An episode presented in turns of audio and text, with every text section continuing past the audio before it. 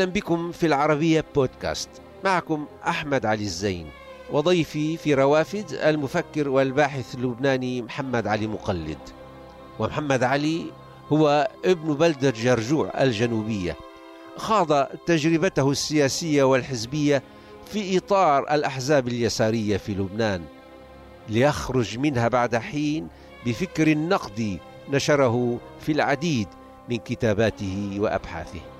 أهلا بك معي أستاذ محمد. شو قال لك الله يرحمه هاني فحص قلت له تعال نعمل حزب. قلت له قلت له يا سيد ما عم نحكي مثل بعضنا. واحلامنا شبيهة ببعضنا وبرنامجنا هو ذاته. تعال نعمل حزب أنا وياك. قال لي إيه، أنا حاضر حزب الدولة. كنت يومها عم بهدي كتابي اغتيال الدولة.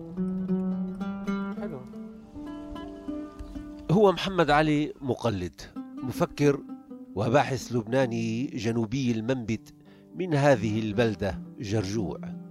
من بيته تطل على جزء من الجغرافيا اللبنانية وعلى جزء من التاريخ تاريخه الخاص أو تجربته الفكرية الخاصة. وكما معظم أبناء جيله جيل الستينات ستينات القرن العشرين خاض محمد تجربته السياسية والحزبية ثم خرج منها بعقل نقدي وأيضا بنص نقدي وسمى أحزابها اليسارية والقومية والدينية أيضا أحزاب الله. لكأنه يقول إن التزمت الإيديولوجي والتقوقع في فكر جامد هو الشروع المباشر في عملية إلغاء الآخر ونفيه ولا يحتمل أي مسعى للاعتراف والحوار. أنا الحقيقة كمان بدأت قبل ما أسمي هذا الكتاب أحزاب الله آه، أول كتاب سياسي آه، مباشر أو بالفكر السياسي أول نص كتبته بالممارسة النظرية آه، بالفكر السياسي نص عن الأصوليات الإسلامية. واستكملت هذا النص بمجموعة من النصوص الأخرى النقدية عن اليسار. طيب تيزيني على سبيل المثل وحسين مروي. فجمعتهم بكتاب سميته الأصوليات وأصدر أصدرت هذا الكتاب بال 1999 فأنا من ذاك التاريخ كل كتاباتي منطلقة من هذه القناعة. نعم. هلا اللي فجر هال إذا بدك هالطاقة هالمنحى النقدي هو موت حسن حمدان. مات حسن حمدان ويوم اللي مات حسن حمدان رثيته بكلمة ختمتها بعبارة مثل ما قال آه محمد المغوط لبدر شاكر السياب. تشبث بموتك أيها المغفل يقول له. فكتبك تباع على الطرقات وعكازك أصبح بيد الوطن. مم. هذا الحكي بالسبعة وثمانين. نعم نعم. طبعا ما قلت له مثل ما قال محمد المغوط يعني حزني حزني طويل كشجرة الحور لأنني طويل. لست ممددا إلى جوارك. مم. فسألت هالسؤال من قتل حسن حمدان؟ طلع معي بالاستنتاج إنه حسن حمدان ومؤيدو حسن حمدان ومروجو أفكار حسن حمدان وأنا منهم كلنا شركاء في قتله لأنه كل فكر حسن حمدان فكرنا كلنا يعني كان مبنيا على الحتميات يعني إذا كانت كل حتمية تفترض إنه الآخر على خطأ وأنا على وحدي على صواب, على صواب. بدي اقتل الآخر إنه ما في اتعايش أنا وياه يعني ضد الديمقراطية لكن كمان خليني أقول أنا أعدت النظر بكل هذه التجربة لكن غير نادم على التجربة. طبيعي. هذه التجربة علمتني الكثير. صحيح. من ما علمتني إياه هو هذا النقد الجريء والباحث إما أن يكون بعقل نقدي أو, أو لا, يكون باحثا. والعودة إلى الدولة تفترض عقل مختلف لأنه نحن كان عندنا مشاريع مختلفة. نحن بدنا الاشتراكية وذيك بدهم الدولة الإسلامية وذيك بدهم دولة مسيحية الوطن القومي. المسيحي وهوديك بدهم الوحدة العربية. طيب كل هول المشاريع ولا واحد منهم بيقبل الآخر. كلهم بينفي بينفوا أعدائهم وخصومهم والى آخره. نعم. والخصم في مشاريع هذه القوى هو إما في القبر أو في السجن أو في المنفى. مم. والحل بالديمقراطية. هذه النظرية أو الرؤية غالبا تراود العقول الحرة التي لا تقبل الإجابات الخالصة. أو الوصفات الجاهزة كما يسميها البعض والتي هي متوفرة لدى الأحزاب العقائدية بشكل عام. لذا شغلته مبكرا فكرة قيام الدولة كحضن شرعي يستوعب الجميع والأسباب التي تعيق قيام هذه الدولة بمفاهيمها الحديثة. وله في هذا الشأن أبحاث تطرح هذه التساؤلات وتسعى لإجابة ما نذكر منها كتاب اغتيال الدولة الذي أشار فيه إلى تلك النماذج من الأحزاب الشمولية التي تمكن بعضها من اختطاف الدولة. إذا بدنا نحكي نوسع أكثر الفكرة ونعرف الدولة ما هي الدولة يعني؟ هذه كلها دول اللي عايشين فيها نحن. ولكن هل هي الدولة فعلا القابلة للعيش؟ يعني أنا أول مرة طرحت طرحت هالسؤال آه، رحت استعنت بعلماء القانون. آه، ماذا تعني الدولة؟ وثم يعني هي كانت ببدايتها بالتسعينات لما بلشت أكتب عن الأصوليات. ويومها استنتجت من الدراسات القانونية من دراسات قانونيين إنه الدولة كيان معنوي وليست سلطة. الالتباس بموضوع الدولة هو أن الدولة تتكون عادة الدولة الحديثة تكونت مع الأوطان. قبل الأوطان ما كان في دولة حديثة كان في دول. كان في دول سلطانية وممالك نعم نعم. الدولة الحديثة تكونت مع الأوطان. الوطن هو أرض وشعب وسيادة من يمارس السيادة على الأرض؟ الشعب. بواسطة من؟ بواسطة سلطة سياسية. والسلطة السياسية تمارس السيادة بقوة القانون وبقوة القوى القوى الأمنية. القوى الأمنية. نحن عملنا خلط بين السلطة من جهة وبين الدولة من جهة ثانية لذلك باتت الدولة بنظر أهل السلطة ملكية خاصة. نعم. هذا النموذج تكرر في معظم الدول التي نالت استقلالها في نهاية أربعينيات القرن الماضي وأخذ مسارات تراجيدية في تلك التي استولت عليها أحزاب بقبعات عسكرية. سرعان ما حولتها إلى أنظمة استبدادية. ولعل توصيف المفكر المغربي محمد سبيلة الذي يقول إن هؤلاء الذين استولوا على السلطة يعتبرون أن الدولة هي شيء أو غرض قابل للاستعمال وليس مؤسسة تحمي الإنسان والفرد والحريات العامة وقائمة على ثلاثية العدل والحرية والديمقراطية. من ناحية أخرى هؤلاء الذين يمكن وصفهم بالعصابة أوقفوا التاريخ وأعاقوا المسار الطبيعي لتطور المجتمعات وهذا ما أسس ونمى تلك الأصوليات التي أخذت من الدين مرجعا لها لتؤكد شرعيتها وطرحت نفسها بديلا جاء أكثر مأساوية من تلك النسخ العسكرية والدموية. أنا إذا بدك وصلت للاستنتاج من خلال تجربتي بالتعليم أنا كنت أعطي بالجامعة آه، مادة اسمها حضارة البلدان العربية بالعصر الحديث. نعم. يعني كنا عم نجاوب على سؤال لماذا تقدم الغرب وتخلف المسلمون؟ هذا سؤال سؤال ارسلان السؤال الشهير. نعم. ليش نحن صار فينا هيك؟ ليش ما قدرنا نعمل مثل ما عملت أوروبا؟ فأنا توصلت بالإستنتاج بالمقارنات الملموسة. إنه إحنا آه، آه، كيساريين طرحنا على حالنا سؤال مختلف عن هذا السؤال ورحنا نجاوب عليه. سؤالنا كان كيف علينا أن نخرج من الحضارة الرأسمالية إلى حضارة أخرى؟ بينما السؤال الاصلي كيف علينا أن ندخل إلى الحضارة الرأسمالية؟ لأنه المطروح علينا كان ببداية العصر النهضة كيف بتفوتوا على حضارة أوروبا؟ يعني على ما اكتشفته أوروبا. شو عملت أوروبا؟ أوروبا نقلت بلدانها يعني بقصد بلدان أوروبا الرأسمالية. نقلت بلدانها اقتصاديا من من الزراعة من الأرض إلى المصنع.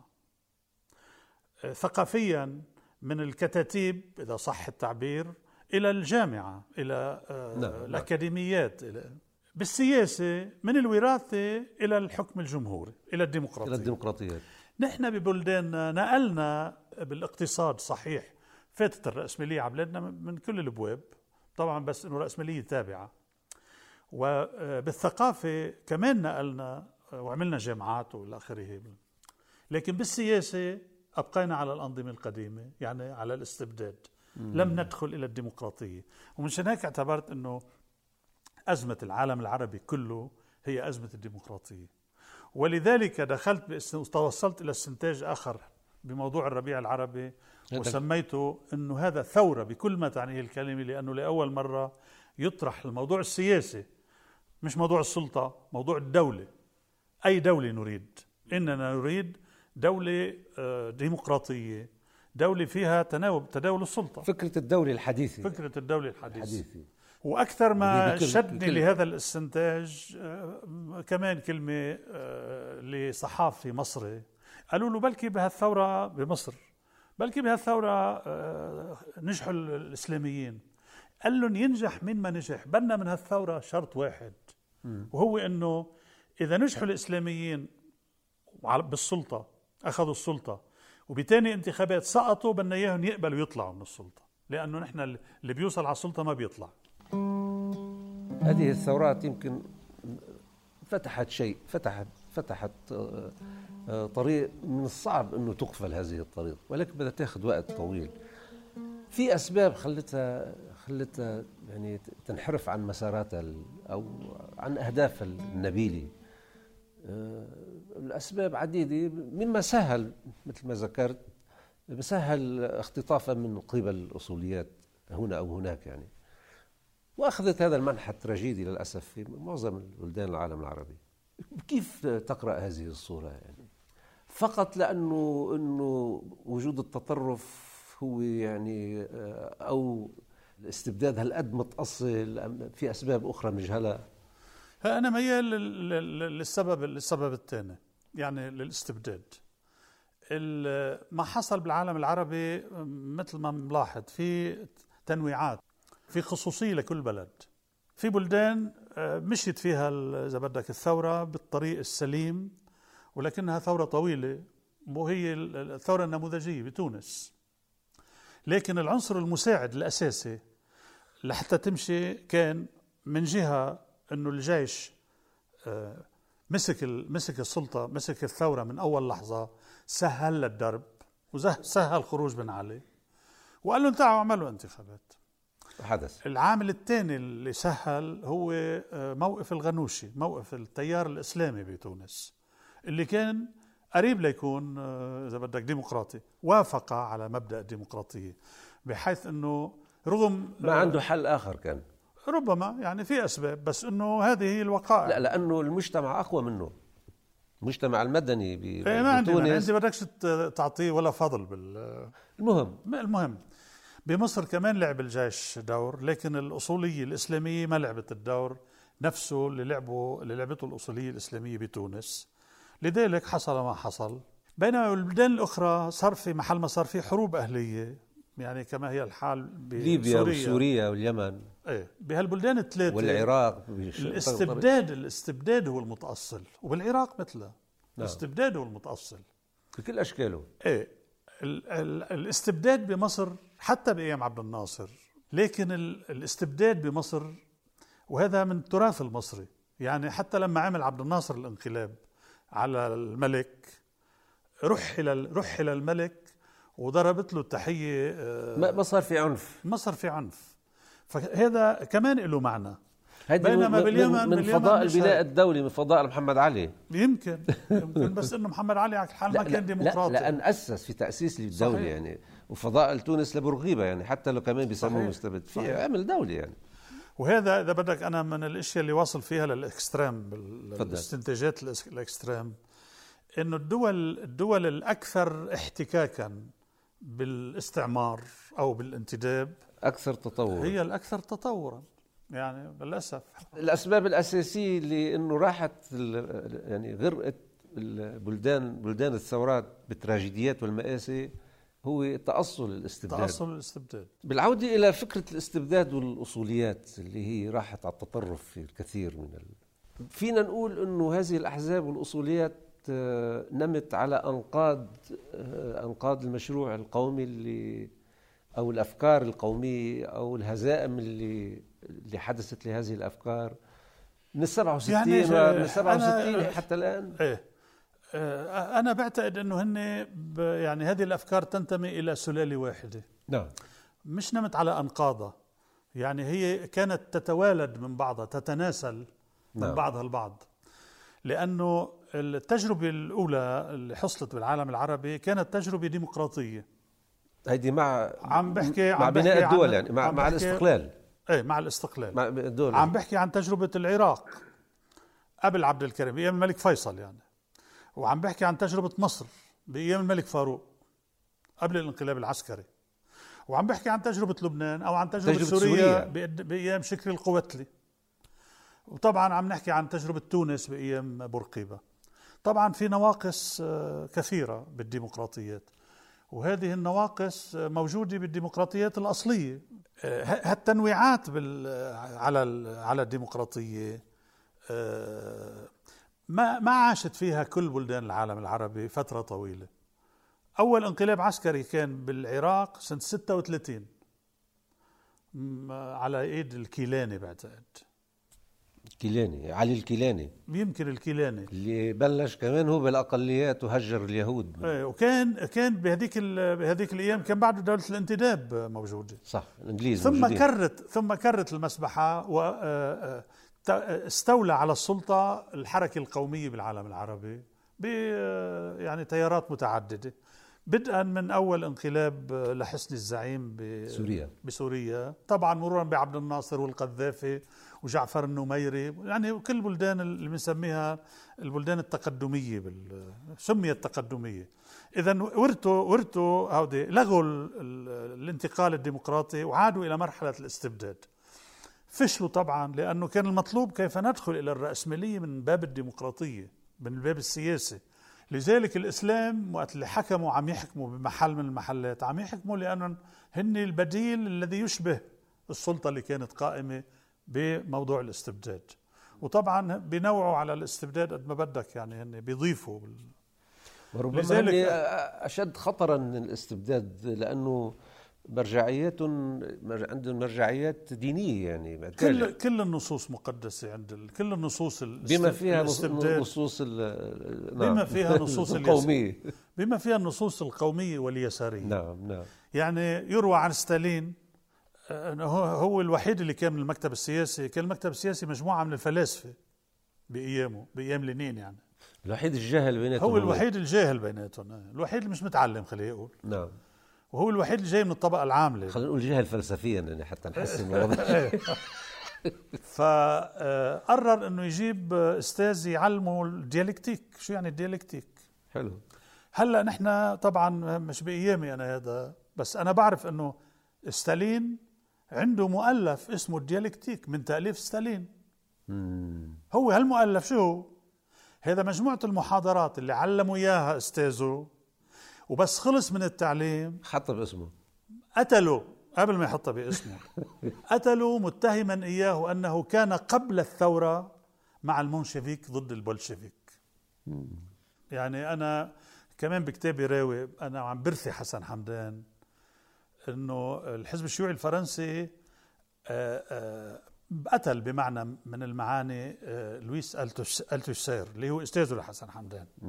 قتله لأنه تمسخر عليه. يعني انفصل من الحزب والى آخره وجن وقتل مرته هذا التوسير فلما إجوا لياخذوه على الحبس إنه قاتل مرته دب من الطابق السابع.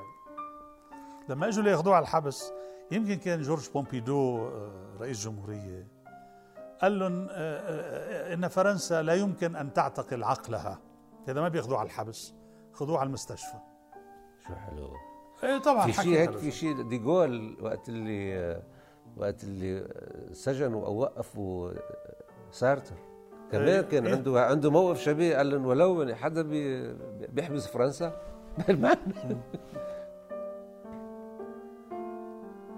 طيب بظنك الآن هلأ نرجع شوي على فكرة الثورات وال... كيف ممكن نشوف مستقبل هذه البلدان يعني اللي حاولت أن تخرج من من الاستبداد يعني إلى إلى فكرة الدولة إلى فكرة أنا توصلت لمجموعة من الخلاصات آه، ذكرتها بكتاب هل الربيع العربي ثورة؟ من هذه الخلاصات أنه العالم العربي لأول مرة في تاريخه يوضع قطار التغيير على سكته الصحيحة. لكن لا يعني ذلك أنه بكرة القطار في يمشي لأنه السكة ممكن تكون مقطوعة على بعد كيلومتر. وممكن المحطة تكون بعيدة بعدها ويمكن يجوا قطاع طرق يعرقلوا مسار القطار وهذا اللي حدث. لكن لأول مرة وهذا ما يحصل لكن لأول مرة بتاريخ العالم العربي يوضع قطار التغيير على سكته الصحيحة. هذا ما حدث. لقد اختطف قطار الثورة من العصابات الأصولية وانحرف عن سكته وتشتتت معه الآمال.